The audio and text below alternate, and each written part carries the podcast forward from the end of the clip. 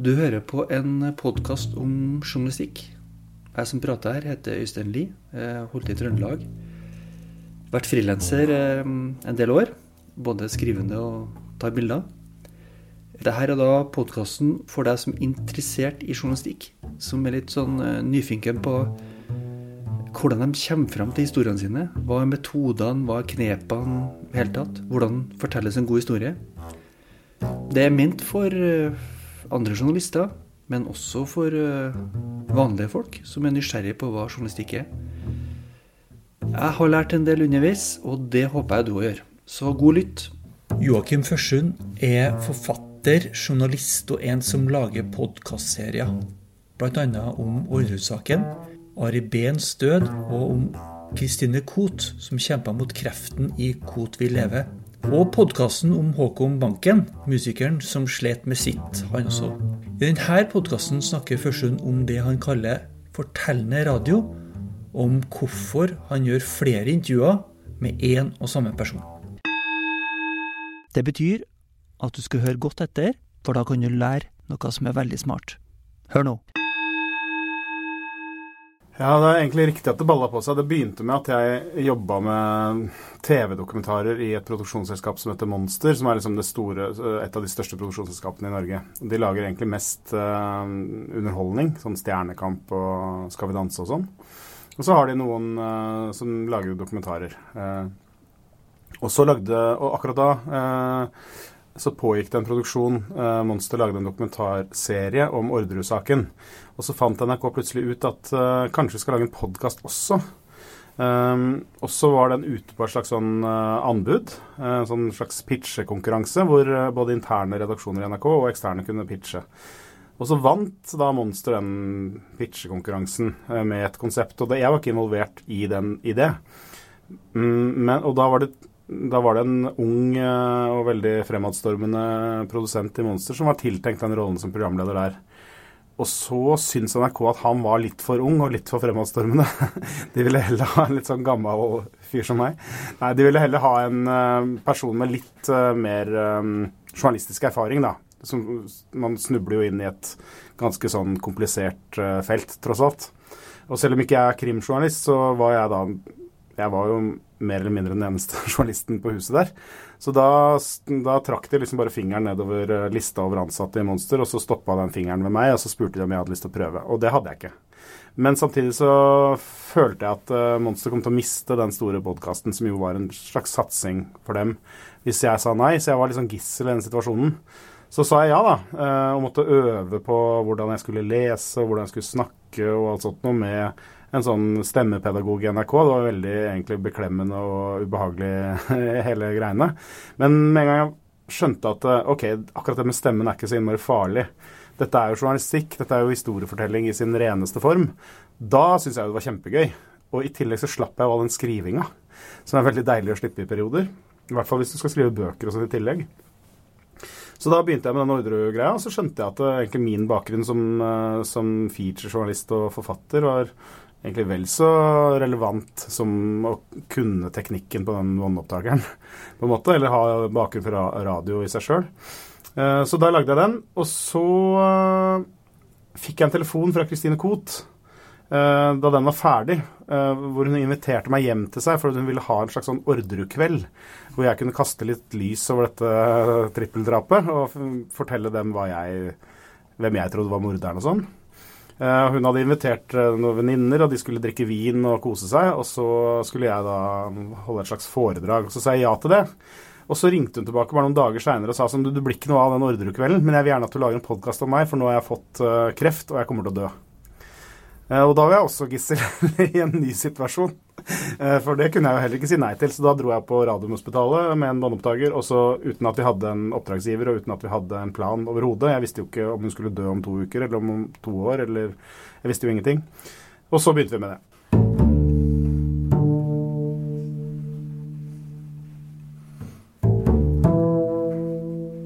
Ja. Og så ble det flere podkaster etter det også. Litt spoling tilbake her nå. Du var jo i NRK hvor du var til stemmepedagog. og Hva lærte du der? Hva plukka du opp der sånn, av tekniske ting? Nei, jeg, jeg, må si at jeg lærte kanskje ikke så innmari mye. Jeg var veldig selvbevisst. Jeg grua meg til å være der, og jeg måtte gjenta sånne setninger igjen og igjen. Egentlig så er det litt sånn tåkete for meg, for jeg husker ikke. Jeg satt egentlig mest og skamma meg over meg sjøl, og situasjonen, syntes situasjonen var ubehagelig. Men jeg husker at hun sa at, jeg, at, det var hele tiden at jeg måtte ha mer energi, og at jeg skulle prøve, selv om jeg snakka om alvorlige ting, som jeg prøve å smile. Eh, det er ikke sånn at jeg har gjort det egentlig etterpå. Og det kan godt hende at jeg hører noen ganger at jeg hadde, rett i det, jeg burde kanskje hatt litt mer energi. Eh, men det jeg lærte meg, eh, men jeg tror kanskje jeg lærte det mer mm, sjøl, det var at man må liksom finne sin egen stemme, og den er ganske muntlig. Jeg skulle liksom, prøvde i begynnelsen å skrive litt, siden jeg hadde skrevet romaner. og sånn, Så tenkte jeg at jeg kan skrive litt annerledes og skrive litt sånne litterære introer, sånn som man har hørt i S-Town og sånn. Men det passa ikke noe særlig til meg. Så jeg måtte liksom finne et slags sånn språk som både føltes litt poetisk i all sin enkelhet, men samtidig var veldig konkret. da. Så da gjorde jeg det. Uh, og det var mye prøving og feiling, egentlig, til jeg fant den stemmen. Men det er litt, nok litt lurt å vente på du, til du finner den. Uh, I hvert fall i den sjangeren som jeg driver med og um, lager sånn dokumentarisk podkast, så er det litt lurt å, å, ha en sånn identitet som forteller. Selv om ikke det handler om deg, så er det liksom greit at de som hører på, veit hvem du er. Siden det er du som er liksom deres representant inn i det, inn i det fremmede feltet, liksom.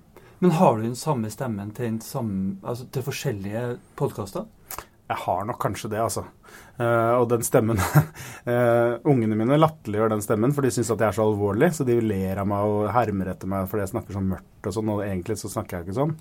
Uh, men, og så jo, har det jo også litt sammenheng med at jo, de podkastene jeg har lagd, har jo vært handla om så alvorlige ting. Det er også litt tilfeldig. Jeg har ikke drevet med så veldig mye alvorlige ting før. Så, øh, så, det er også litt tilfeldig. Men det er nok den samme stemmen. Det handler litt om hvordan du Altså hvordan du formulerer da, hvordan du opptrer i en intervjusituasjon. ikke sant? Jeg var veldig opptatt av f.eks. at jeg skulle være en representant for lytteren i det rommet jeg satt i. Og, og, da, Det utelukker en del sånne slagferdigheter som man uh, tyr til som skrivende journalist. Da, man, da, er man gjerne litt sånn cocky og litt sånn full av selvtillit og ingen ambivalens. Man er skråsikker på alt og sånn når man er skrivende journalist. Mens uh, i det rommet hvor jeg skal sitte sammen med en som utsatt, har vært utsatt for noe forferdelig, eller uh, det er vanskelig å snakke om, eller da, da, må jeg på en måte være en, et vanlig menneske og ikke en journalist. Uh, jeg, må være, jeg må stille de spørsmålene som lytteren til enhver tid sitter med, og jeg må stille dem da. Jeg kan ikke, jeg, jeg kan ikke rushe det. Jeg, jeg kan ikke vite altfor mye. Uh, for da henger ikke lytterne med. Uh, altså Den der identifikasjonen som, som, trengs, tror jeg, i en podkast, den er det viktig å være, liksom, ta litt sånn ordentlig på alvor. da, Sånn at de som hører på, Eh, de må ikke føle at jeg bare fyker av gårde fordi jeg vet mer om eh, saken enn det de gjør. Så, så du, du, har liksom ikke hele fortellinga som du ofte har når du skal skrive? Du, på en måte, du har, eh, du har intervjuet klart, du har slags dramaturgi, og du har kanskje litt mer cocky språk, som du sier. Um, men når du lager podkast, så er det liksom sånn at du begynner flik da, og hakker deg ved igjennom. Ja, og så egentlig. drar du les, uh, leseren, lytteren, gjennom. Ja, egentlig. Uh, og det er jo selvfølgelig litt Kan jo sies at det, det, kan kanskje kalles latskap også, men jeg har egentlig aldri noe spørsmål. Jeg har ikke noe liste. Jeg har ikke researcha så fryktelig mye på forhånd. Uh, jeg må jo researche såpass at ikke jeg liksom dummer meg ut på opptak. Men uh, jeg har ikke noe lyst til å vite så innmari mye. Uh, jeg har ikke noe lyst til å spille en fyr som blir overraska når noe blir sagt, f.eks. Kanskje jeg vet det fra før av, og så må jeg liksom late som dette er sjokkerende nyheter for meg. Så jeg, uh, så jeg vet ikke så innmari mye. Og jeg vet i hvert fall ikke hva slags podkast det skal bli. Jeg, jeg, går inn i det rommet og trykker på record og sitter og, og spør om alt jeg og, prøver å jobbe ganske kronologisk. Det er liksom den eneste strukturerende faktoren jeg har. Så um, stopper jeg ved alt jeg finner interessant. Og veldig ofte så er det ting jeg overhører Altså, altså ignorerer eh, på opptak. Uh, som jeg må reise tilbake, for jeg skjønner når jeg hører gjennom at herregud, følte, nå fulgte jeg ikke med, noe sånt, jeg sikkert har tenkt på noe annet. Eller dette er åpenbart veldig viktig for, denne, for denne, dette intervjuobjektet, men jeg skjønte ikke det før nå. Så må jeg dra tilbake og snakke med dem om det. Så jeg gjør jo veldig mange intervjuer med de, med de jeg snakker med.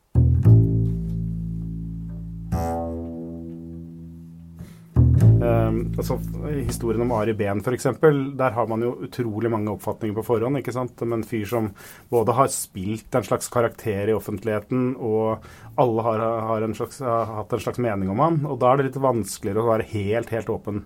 Så da var det veldig mange aha-opplevelser underveis hvor jeg skjønte at ok, nå er jeg nødt til å spole tilbake, for nå må jeg snakke mer om det. fordi der tok denne historien en, en slags sånn venstresving som ikke jeg var forberedt på. da. Fortell om noen venstresvinger du hadde. Nei, altså det, det, er litt vanskelig å, å Det er en sånn magefølelsegreie hvor du bare, bare, du får noen sånne små glimt uh, av uh, så, sånne åpenbaringer underveis. da. Jeg husker veldig godt at vi satt og hørte alle rettsopptakene fra Orderud-saken, som var jo mange mange hundre timer med, med rettsopptak. Og så plutselig så gikk det opp for meg at Kristin Kirkemo Det aller viktigste for Kristin Kirkemo, det var å være en god mor til eh, sønnen sin. For sønnen sin.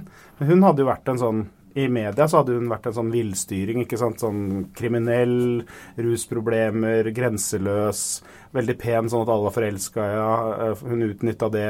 Alt det der som var liksom alle det der offentlige bildet av Kristin Kirkemo. Men så øh, skjønner man jo at hun hadde bare masse dårlig samvittighet for han eh, sønnen sin, og, og prøvde å lage et så godt liv som hun evna da, for han. Eh, og da måtte man begynne Ok, men hvorfor er hun trukket inn i denne Orderud-saken da? Jo, kanskje det var fordi Per og Veronica hadde sagt at at uh, de skulle um, adoptere han, han Eller nei, de skulle overføre arven til han fordi de ikke skulle ha barn selv. Ja, bla, bla, bla. Nå sier jeg sikkert uh, ting som ikke er riktig med Orderud-saken, men i hvert fall så fikk jeg den åpenbaringen. Og da var det jo et helt nytt lys som var kasta over Kristin Kirkemo, for da så man jo verden på en helt annen måte. Og sånn får man litt. Uh, og det, det, var egentlig det samme skulle si med Ari Behn også. at det, at uh, går, det er umulig å gå inn i en sånn jobb uten å ha noen slags sånne fordommer, da, på en måte. Ikke sant? Om, om uh, hvordan han er, og hvordan han var, og, og hvordan han har opptrådt i media, og hva, hva, som bare var skuespill, og, og, hva som var ekte, og hva som var falskt, og sånn. Uh, da, men når man bruker masse tid med Ari Behns nærmeste, så skjønner man jo at han var en helt annen person, selvfølgelig, enn den, enn den personen han var med i media. Når du da eh, vektlegger det at hun ville beskytte barnet sitt, ikke at hun var den som media ofte framstilte, så, så endra du et bilde av henne. Også en viss sympati for den personen òg. Hva slags betenkeligheter gjorde du underveis der? Nei, jeg hadde ikke noen sånn særlig betenkeligheter med det. Det er klart at uh, det er sånn at uh, forsvarerne prøver å tegne ett bilde av Kristin Kirkemo. Uh, og statsadvokaten prøver å tegne et annet bilde av Kristin Kirkemo. Folk som har sittet hjemme og lest tabloidaviser de siste 20 åra, har et bilde av Kristin Kirkemo, så jeg føler ikke at jeg hadde noe mer ansvar enn noen andre. Enn liksom, så jeg prøvde bare å tegne et så sannferdig bilde som jeg kunne av henne. altså Hun var jo ikke um, kilde i podkasten, for hun ville ikke være med på det. altså Veronica Ordru og Per Ordru var jo med i, var podkasten, men Kristin Kirkemo avsto fra det. Men men det var bare at vi vektla kanskje litt andre ting. Eh, vi plukka opp litt andre ting i retten, og bildet så litt annerledes ut for oss. Og det var jo selvfølgelig også fordi vi eh, hadde alt materialet, og det var gått lang tid osv. Eh, men det er også litt det at vi kanskje letter på litt andre steder. da. Vi så på f.eks. familierelasjoner, at det var to familier som på en eller annen måte i en slags sånn perfect storm hadde møttes på den gården. Og det møtet mellom de to familiene og de, to, de sterke karakterene i de to familiene hadde på en måte utløst et skred av, eh, av uheldige hendelser. da. Eh, da, men da tenkte vi at veldig mye av dette har med familierelasjoner å gjøre. Ikke med at hun er tilknytta et kriminelt miljø i Oslo osv. Det er mer en, en måte, praktisk konsekvens av de relasjonelle eh, temaene som vi var opptatt av. da.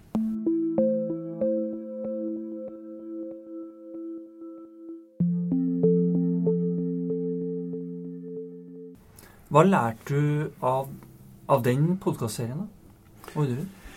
Jeg lærte at det er eh, et hav av fortellinger eh, der ute som egner seg for, eh, for lyd eller for podkast. Og at det er helt andre ting som kanskje virker liksom sterkt når du tar på deg et headset og trykker på play. Det er en helt annen helt annen opplevelse eh, og helt annen sånn konsum av fortellinger. Du, for det første så er det en sånn én-til-én-forbindelse. Du har en sånn, veldig sånn intim kontakt med de som hører på. Og for det andre så har de som hører på, de har skrudd på eh, knappen for å høre på deg. Så da, da, har du på en måte oppnådd alt det du streber etter som skrivende journalist eller som romanforfatter eller alt. Den der, den der umiddelbare én-til-én-kontakten, det er den du drømmer om å få. ikke sant, Den har du fra, sta, fra start når du lager podkast. Og da er det helt andre spilleregler som gjelder, mener jeg. Og da kan man snakke om en fortvila mor som eh, Selv om det er et trippeldrap og utrolig spektakulær uh, kriminalfortelling, så kan man også snakke om en, en uh, alenemor som baler med ting i hverdagen. Fordi det, fordi det, er folk der ute som har bestemt seg for å høre på. Så det er, det er, jeg føler at det er en helt annen type dynamikk. da. Du snakka litt om at det er en annen sjanger, da. Dette med Du blir jo venn. Mm eh, med Kristine Koht etter mm. hvert. Kanskje, Du var ikke det fra før, selvfølgelig. Nei. Nei. Hvordan var det å jobbe med henne når, når, du har liksom to forskjellige roller eh, i gåsetegn her, som, som, journalist og som venn? Eller er det egentlig en motsetning her? Nei, eh, altså da, jeg, eh, jeg, tenker på det av og til, og i hvert fall når jeg blir spurt om det, eh, om det er problematisk det at jeg knytter så nære bånd til, eh, til dem. Det er, for det første så tror jeg det er vanskelig å unngå det. I hvert fall i den sjangeren som jeg jobber. Uh, fordi jeg bruker så mye tid. ikke sant? Jeg har tilbrakt hundrevis av timer med Christine Koht. Um, og skal jeg da ha på sånn pressehatt og være sånn profesjonell hele tiden? Eller skal jeg vise at jeg bryr meg om hvordan det går med henne osv.? Så, videre? så det, det føler jeg ikke er noe valg for meg. Uh, og så i neste instans må man jo tenke ok, hva, hvilke konsekvenser får det for denne fortellingen? Det at jeg uh, kjenner henne bedre og bedre og nærmest blir en slags pårørende underveis. Eller fordeler? Ja, uh, så det, får noen konsekvenser, men det er, jo helt åpenbart noen fordeler. For det, er jo en vanvittig tillit. Uh, hun kjenner meg, sånn at hun blir ikke liksom fornærma hvis jeg er sleivete. Eller, altså det er mange sånne ting som gjør ting bare mye enklere. Men så er det selvfølgelig ting som Så farges jo historien på en eller annen måte av at jeg kjenner henne.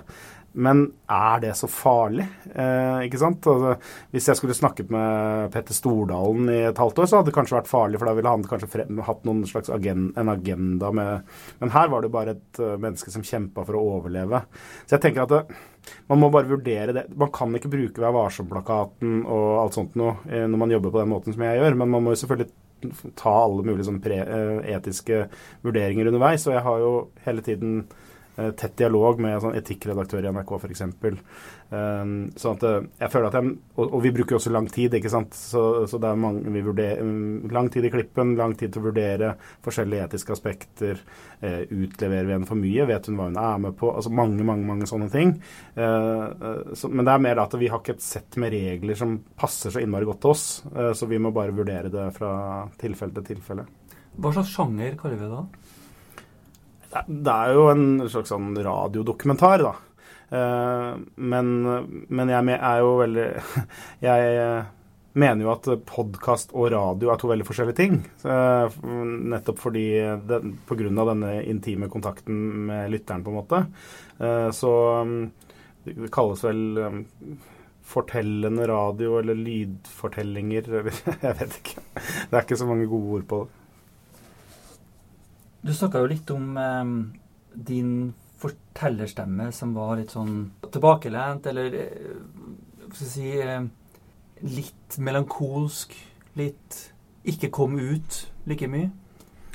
ja. eh, men det har jo sine styrker, det òg, å på en måte gå ned hvis det er dramatisk. Eh, være den som forteller ting mer nøkternt hvordan det er. Hva slags effekter kan det ha? Jeg har ikke en sånn veldig sånn utmeisla sånn stemmefilosofi, eller hvordan, eh, hva slags eh, liksom, tone jeg skal legge meg på. Det, liksom, det, faller seg litt naturlig, og det vil nok kanskje være andre spilleregler for andre. For det, det, er jo min personlighet som er på en måte redskapet her, tross alt. da. Eh, selv om jeg har jobba som journalist i mange år, og sånn, så, så, er det jo i møte med folk så må jeg på en måte bare være meg sjøl så mye jeg kan. Og så er det ikke egentlig så innmari vanskelig å snakke med folk som har det helt forferdelig, eller som har opplevd helt forferdelige ting. fordi da er, det ligger på en måte på bordet mellom oss. Det er ikke noe sånn det er ikke vanskelig for meg å snakke med Kristine Koht om at hun har kreft, for hun har jo kreft. Hun er jo livredd, hun tenker på det absolutt hele tida. Det blir ikke noe verre at jeg stiller et spørsmål om det. Samme med Per Orderud, som har mista mora og faren sin og, og søstera si, og i tillegg sona for uh, trippeldrap. Da, da, da, det er ikke sånn at jeg driver og mumler og snakker om været da. Da kan jeg spørre om hvordan han har det. Uh, fordi det, det, er så åpenbart at det er derfor vi sitter her. Uh, og sånn er det jo litt sånn altså i, når man ja, Det er som om man skal ha en veldig veldig vanskelig samtale. Idet den samtalen er i gang, så er den jo i gang. Da er det ikke noe vanskelig. Så jeg, jeg, det gir seg litt selv hva slags liksom, tone jeg har, og hvor omsorgsfull jeg virker. og men jeg må jo lytte, selvfølgelig. Jo, altså det er jo det jeg må gjøre. Jeg må høre etter. Jeg må ikke være opptatt av at jeg skal bable. Eh, jeg må høre etter hva de har å si. Eh, og Det er derfor jeg også må dra tilbake, fordi jeg kanskje ikke har hørt godt nok etter den første eller andre eller tredje eller fjerde gangen. da. I um, podkasten om Ari Behn så jeg jo, gjorde jeg jo nesten jeg tror jeg gjorde 15 intervjuer med Baris Teilmann, eh, som da var kjæresten til Ari de siste åra. og de intervjuene var jo kanskje halvannen til to timer alle sammen. Altså, jeg satt jo med 25 timer med opptak. Eh, og da er ikke det bare fordi jeg trenger 25 timer, men det er fordi jeg hele tiden fintuner. Ok, hva, jeg forsto visst ikke hele bildet de åtte første gangene jeg var her, men nå skjønner jeg mer. ikke sant? Um, så det er jo en sånn kvantitetsjobb også som er litt annerledes. Og det er jo selvfølgelig også mulig, fordi det, jeg sykler jo bare rundt med den båndopptakeren. Så det er ikke noe, stor, det er ikke noe stort rigg, og jeg, det er ikke så invaderende for dem jeg kommer på besøk til heller. Hadde jeg hatt TV-team, så hadde jeg aldri kunnet jobba sånn. Men da hadde jeg kanskje aldri fått ut helt de nyansene som det er mulig å få ut med podkast, da.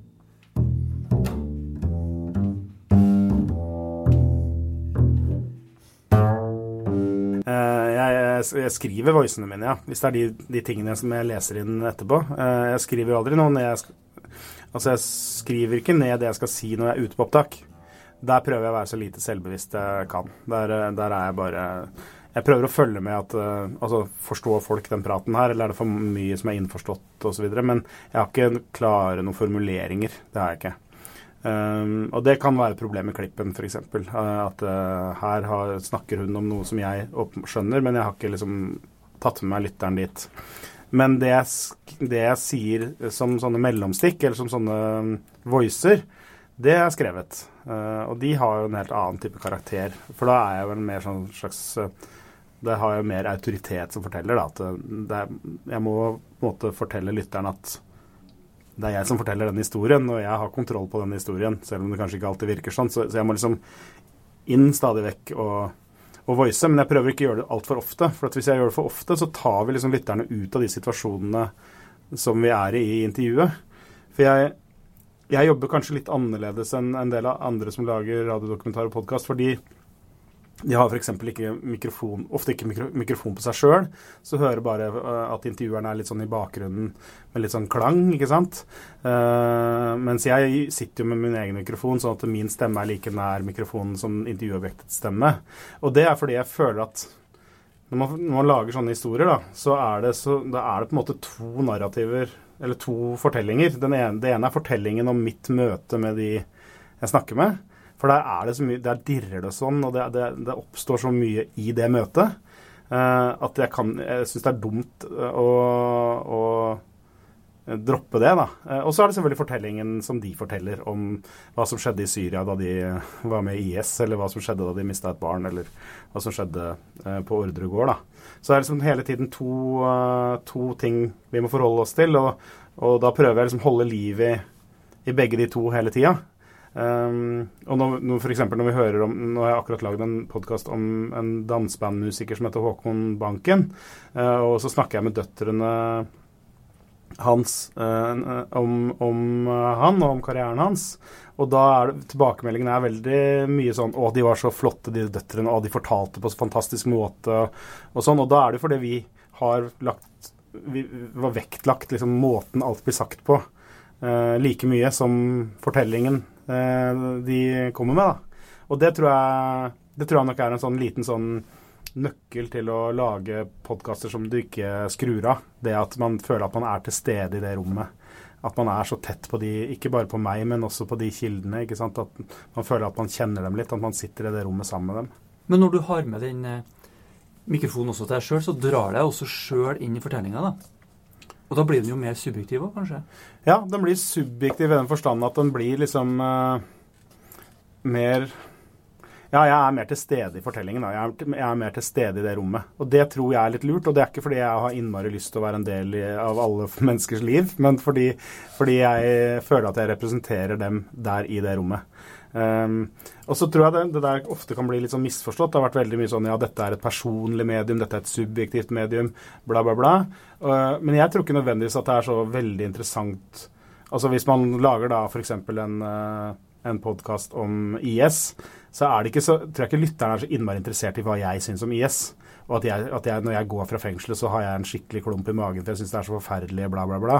Det, det tror jeg er misforstått. Um, hvis, hvis, journalisten liksom er nødt til å gå ut på gangen og kaste opp eller gråte, eller så, så er det, det er ikke så relevant for de som hører på, tror jeg. da. Så jeg tror det handler mer om at uh, de, man, man, det er en intimitet og en nærhet til fortellinga og til kildene, som er, eh, som er noe av liksom eh, Eller at du også blir eh, en representant for lytteren? Ja. Og da må jeg Da kan ikke jeg være da må jeg prøve å være ganske sånn vanlig, fordi lytterne er ganske vanlige. Da kan ikke jeg drive og kjekke meg og, og spille en rolle uh, i det rommet. Da må jeg være ganske normal. Uh, og spørre om hvorfor det, og hva mente du med det. og Ikke, ikke, ikke for, forberede masse slagferdigheter, for det, det er bare fremmedgjørende. For du snakker litt om, Helt i starten så snakka vi litt om det med at uh, du ikke forbereder, du vil ikke vite så mye på forhånd, men du har jo en bagasje. Ja. Du har jo uh, verktøy altså Det er stygt ord, da, verktøy, men altså du har jo deg ja. som verktøy. Ja. Det er veldig vanskelig sikkert å svare på, men har du noen tips til hvordan man kan utvikle seg sjøl som et verktøy som man kommer nærmere til folk og kan skape gode historier? Jeg tror at det er veldig lurt å være åpen. At man liksom ikke har bestemt seg. At man er åpen, og at man prøver å forstå eh, hvorfor folk har gjort det de har gjort. da. Eh, eller har sagt det de har sagt, eller handla på forskjellige måter. For Hvis man f.eks. Okay, drar til Kongsvinger fengsel for å intervjue en fyr som soner for å ha vært med i IS da er det jo veldig lett å fortelle en sånn demoniserende historie om, om, han. Om hvor forferdelig det er, og herregud, de dytter homofile fra høye hus, og det er liksom ikke måte på hvor forferdelig de er. Men ok, men skal vi prøve å forstå han fyren isteden? Og bare være helt åpen for okay, hvor, hvilke valg er du har tatt på veien til Syria? Eh, fra det helt enkle, trivielle valget som førte deg dit, og så er det et nytt valg som fører deg dit, og så er det kanskje 15 valg til da, før du er i Syria. Så jeg tror at å være åpen, være empatisk, prøve å ha et reelt ønske om å forstå folk, tror jeg er eh, helt essensielt.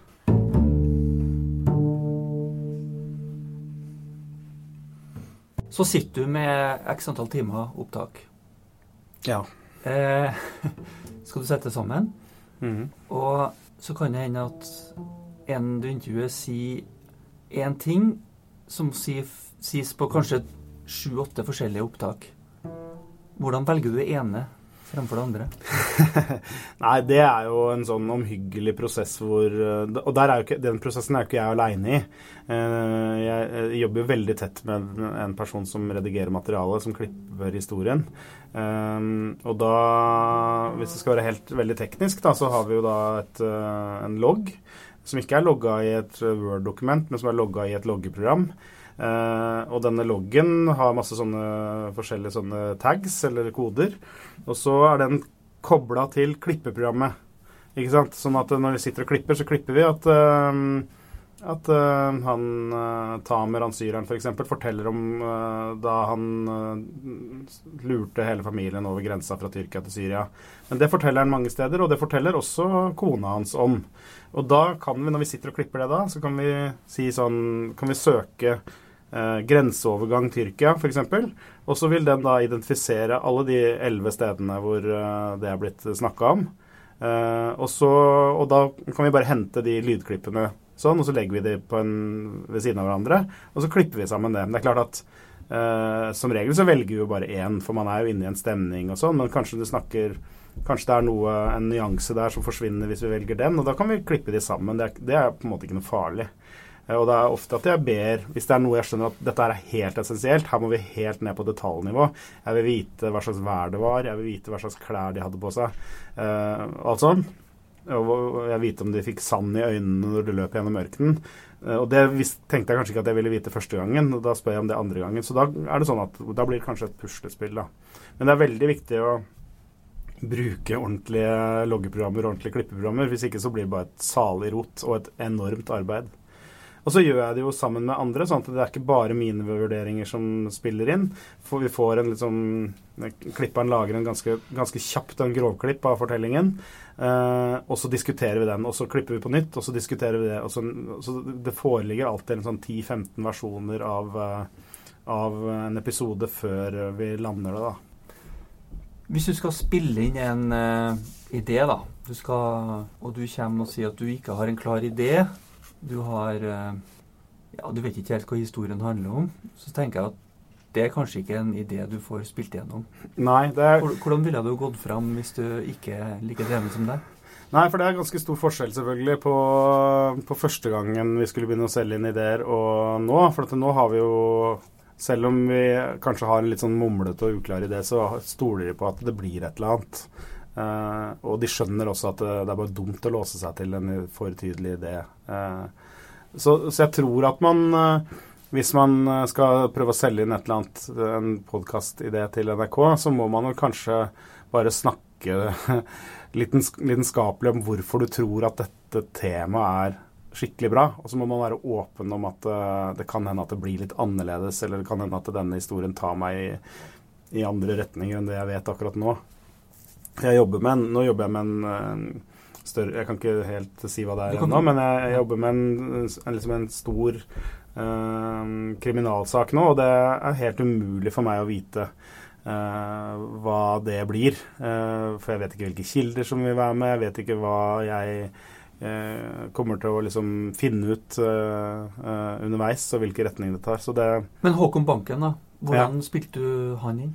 Nei, det, det, var nok Det, det har jeg litt på følelsen at kanskje de var litt sånn greie med meg. Og så tenkte jeg at liksom, nå, nå, har du gjort svære ting som er veldig liksom, kommersielle og uh, som veldig mange kan forholde seg til. Og da var det litt sånn OK, du kan lage en smal en nå fikk jeg litt sånn følelse av. Men så tror jeg nok at eh, de også skjønner at det med podkast er jo litt sånn Det er litt andre mekanismer. For fordi jeg tror det å komme inn i en helt fremmed verden er, eh, med et menneske du ikke vet noen ting om, er et pre, da.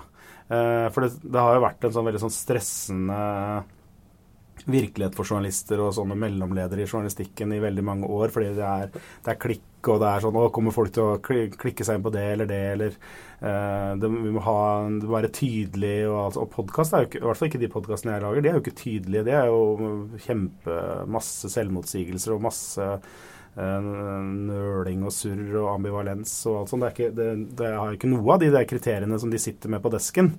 Um, men jeg tror at de skjønner at folk vil inn, et, eh, inn, i et sånt eksotisk fremmed landskap. Da. Det er derfor, hvorfor er S-Town f.eks. den fortsatt den podkasten alle snakker om som verdens beste podkast. Det handler om en rar fyr i sørstaten i USA. Det er, jo, det er, jo, ingen kommersielle knagger i det hele tatt. Men det er nettopp det at det er en fortelling fra en sånn verden som du kan dykke inn i, som, du, som både er fremmed, men også er, eh, har masse sånne identifiserende faktorer.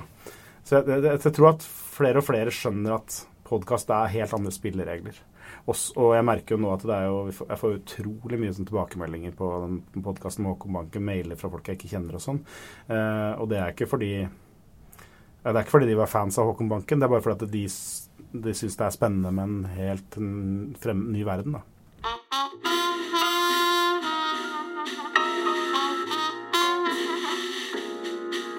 Forma deg også som, som skrivende? Det veit jeg ikke helt, for jeg har ikke fått skrevet så mye som jeg skulle ønske pga. all den podkastlaginga. Så det er litt catch 22 akkurat det der. Men um, det er jo kanskje, uh, forhåpentligvis, uh, at man er litt lettere å finne liksom, raskeste vei til mål, kanskje. sånn historiefortelling, muntlig historiefortelling, er jo da må man liksom ned til the, the bare bones uh, litt raskere, kanskje, uh, enn som skrivende. Og kanskje det kommer til Kanskje jeg blir mer effektiv. Kanskje bøkene mine blir litt kortere. Jeg vet ikke. Men, uh, men ja, man kommer veldig fort til kjernen, og man skjønner hvilke fortellergrep som funker, og hvilke som kanskje ikke funker så godt. da. Hvilke som funker, da? Jeg tror, ja, altså jeg tror at det er veldig For det første så tror jeg det er lurt å ha som utgangspunkt at man skal fortelle en historie kronologisk. Det er jo veldig eh, banalt og enkelt, men jeg tror at hvis man skal liksom prøve å følge et menneskesinn eller et rasjonale, eh, så skjønner man ikke det helt hvis man, hvis man går inn medias res og bare begynner å fortelle om en eller annen situasjon. Selv om den situasjonen kanskje er veldig viktig og veldig eh, et vendepunkt i vedkommendes liv, så vet man ikke helt hvorfor det er et vendepunkt. Man kjenner ikke den personen. Så jeg tror at, i hvert fall for meg, så har det vært hver- eneste gang vi har hatt en litt fiffig idé om at vi skal gjøre noe med kronologien, så vender vi tilbake til, eh, til, en, til den vanlige den, ja, den, van, den vanlige kronologien, da. Og så tror jeg det En annen ting som vi vel kanskje skjønner, er at eh, selv om det kan være et, eh, et felt som er eh, spennende, og om det handler om musikk, eller om det handler om krim, eller om det handler om sykdom, så handler det liksom om menneskers eh, valg og altså, eksistensielle spørsmål. eh, er liksom alltid det viktigste og det beste. Eh, driverne også i en fortelling, da. Så at man liksom skjønner at eh, at de helt grunnleggende tingene, helt grunnleggende følelser, grunnleggende motivet for handlinger, er enormt viktig også for å kunne fortelle en historie effektivt. Ganske likt en roman, da, hvor du har en person som har en veldig sterk vilje. Ja, um, ja og jeg, jeg må innrømme at jeg har skrevet to romaner, og, og det arbeidet med å lage podkast ligner mye mer på romanskriving enn det ligner på den journalistikken som jeg jobba med i Akersgata eh, før. Så selv om det lages mye podkast i Akersgata, så tror jeg at eh, forfattere som er vant til å fortelle historier, og har, liksom, har det litt sånn i kroppen, kommer til å komme ganske raskt til det eh, hvis de begynner med podkast, for det er veldig beslekta. Hvordan tabber kan man gå i eh, når man skal fortelle en historie? Eh, man kan jo gå i de tabbene at man ikke Altså, man kan jo uh, man, det, er viktig, det er veldig viktig å skjønne at du må ha all den lyden eh, Lyden er viktig når du skal fortelle, fortelle med lyd. Uh, og mikrofoner er viktig. Det er ikke, det, du kan ikke slumse med liksom valg av mikrofoner, f.eks. Kan ikke tenke sånn Ja, OK, jeg bare setter på en mygg, for da får jeg, liksom, da får jeg det jeg trenger. Da får man ikke den nærheten man skal ha, og man fanger ikke opp uh, alle de nyansene i en samtale. nå avbryter jeg, men hvordan mikrofoner skal man ha? Nei, altså hvis det er viktig hvordan ting blir sagt, og hvordan den situasjonen eh, er i en samtale, så må man ha mikrofoner som er eh, retningsstyrte. Altså som store mikrofoner som, eh, som, styr, som, som fanger opp all lyd fra, fra intervjuobjektet. Altså hvis det er Altså all nøling, skjel, små skjelving i stemmen, du hører om vedkommende er tørr i munnen eller ikke. Alt det der er informasjon som lytteren eh, eh, lagrer, eh, selv om de kanskje ikke de vet det selv engang. Og det er med på å fortelle historien. Så det er utrolig mye eh, fortelling i bare de lydene. Måten folk kanskje starter en setning, stopper, begynner på nytt igjen. Um, kanskje den, at de tyr til de samme uttrykkene, måte å snakke på hvis de er usikre. Alle sånne ting som man kanskje Man kan analysere det i hjel, men man, jeg tror også man fanger opp veldig Som menneske så fanger man opp alle de tingene. Så hvis man har en uh, mikrofon som bare skal registrere lyden, hvis man bruker mobiltelefon og sånn, og tenker at ja, det er bra nok, så er det ikke bra nok eh, hvis du, hvis du er ute etter de tingene der, da. Det vil si at du er sånn svær eh, Nesten en svær hamster, det? Ja. Sånn, Ja, jeg har ikke sånn pels på, men det er fordi jeg stort sett er inne. Men, eh, men det er sånne lange shotguns, som de kaller det. Um, som, eh, og man tenker kanskje at uh, veldig mange av de jeg intervjuer, er jo ikke blitt intervjua tidligere, er vanlige folk. Uh, men, og man tenker at det er veldig, noe veldig skremmende med det. Men de sitter bare med de mikrofonene i hånda. Um, så det, det ser de, Kanskje de syns det ser eh, skremmende og fremmedgjørende ut i noen sekunder, og så venner de seg til det. Og det er veldig lett for meg Og da sitter jeg alltid med headset, sånn at jeg hører Hvis de holder det litt skeivt, så blir det bare klang, ikke sant. Og de må holde det mot munnen. Men det hører jeg med en gang, og da bare sier jeg du, du må holde den litt nærmere. Å ja, da må jeg det. Det, det, det, forstyrrer ikke situasjonen noe særlig.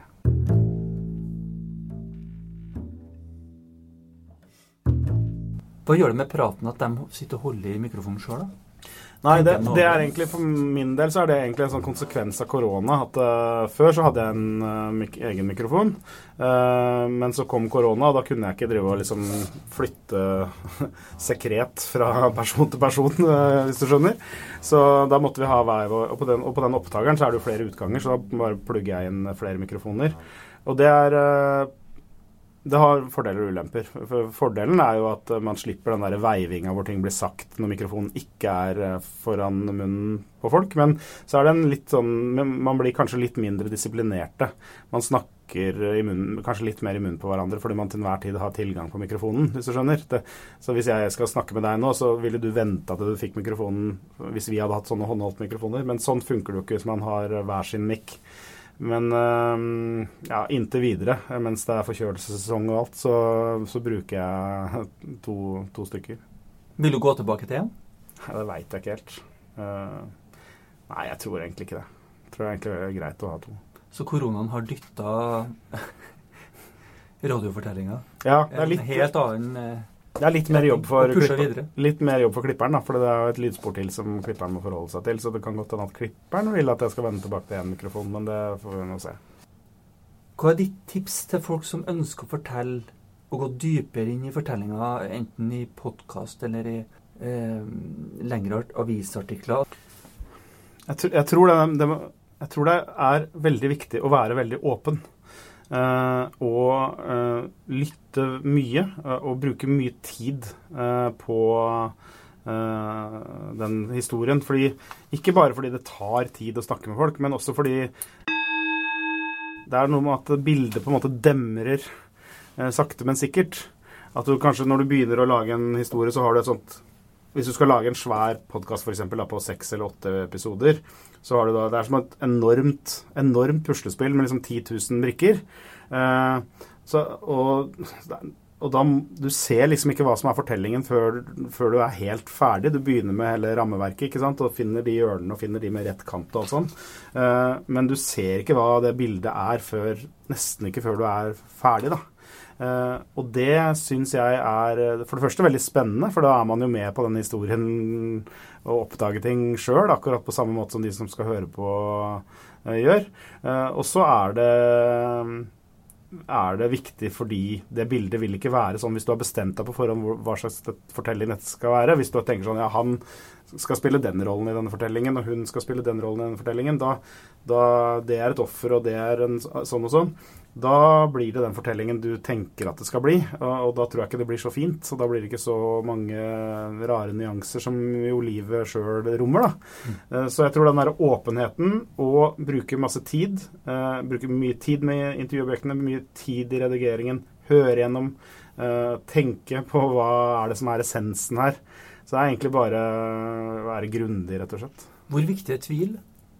Ja, det er veldig viktig, for at det dummeste jeg veit, er sånne bombastiske eh, journalister som er skråsikre på alt. For da, er, da er du per definisjon en dårlig journalist. For da, føl- da er du jo ikke noe interessert i eh, second thoughts. Du er ikke noe interessert i at, at verden ser annerledes ut for andre mennesker enn deg sjøl.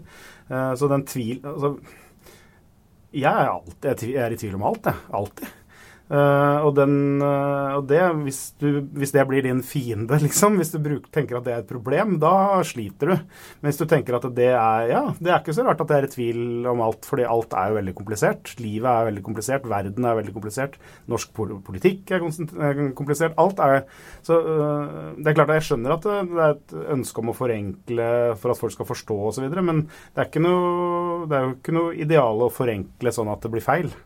Så jeg syns at eh, tvil og ambivalens er eh, helt grunnleggende når man skal fortelle historier. Du skriver jo litt for TV nå, det er hemmelig, eller? Nei da, det er sånn Vi sier så passe halv- hemmelig. halvhemmelig, Ja. ja.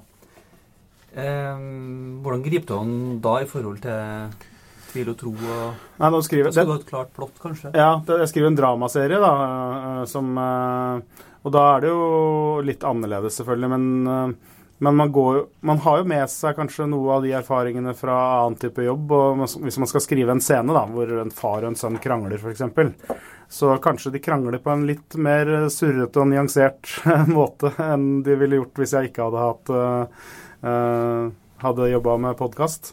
Sånn at man liksom eh, At uh, alle scener og dialoger og fortellinger kanskje rommer litt mer eh, surr og rot, eh, sånn som livet også gjør. Hva er en god fortelling? Nei, Det syns jeg er veldig vanskelig å si noe veldig entydig om. Eh, Hvordan finner du dem, da? Nei, der, det, er, det, er, veldig sånn intuitivt. Uh, at jeg må kjenne det i magen. At uh, her er det noe jeg er ordentlig interessert i. Uh, hvorfor har ikke de to snakka sammen på 20 år? Hvorfor er han så sint for at naboen hogde ned det treet? jeg jeg veit ikke. Men jeg må kjenne at det interesserer meg på et sånn grunnleggende sånn menneskelig nivå. Men da trenger det ikke å være en spektakulær historie. Da kan det være en bitte liten tullehistorie, men det må oppleves viktig for de menneskene det gjelder. Det var Joakim Førsund som prata om det å lage radiofortellinger. Jeg vil si takk for meg denne gangen. Jeg som har laga episodene, heter Øystein Lie, og jeg vil benytte anledningen til å takke alle fine folkene som har stilt opp i podkasten. Tusen, tusen hjertelig takk. Og så er det bare én siste ting. Eh, den som spiller bass i podkasten, han heter Asgeir Skrove.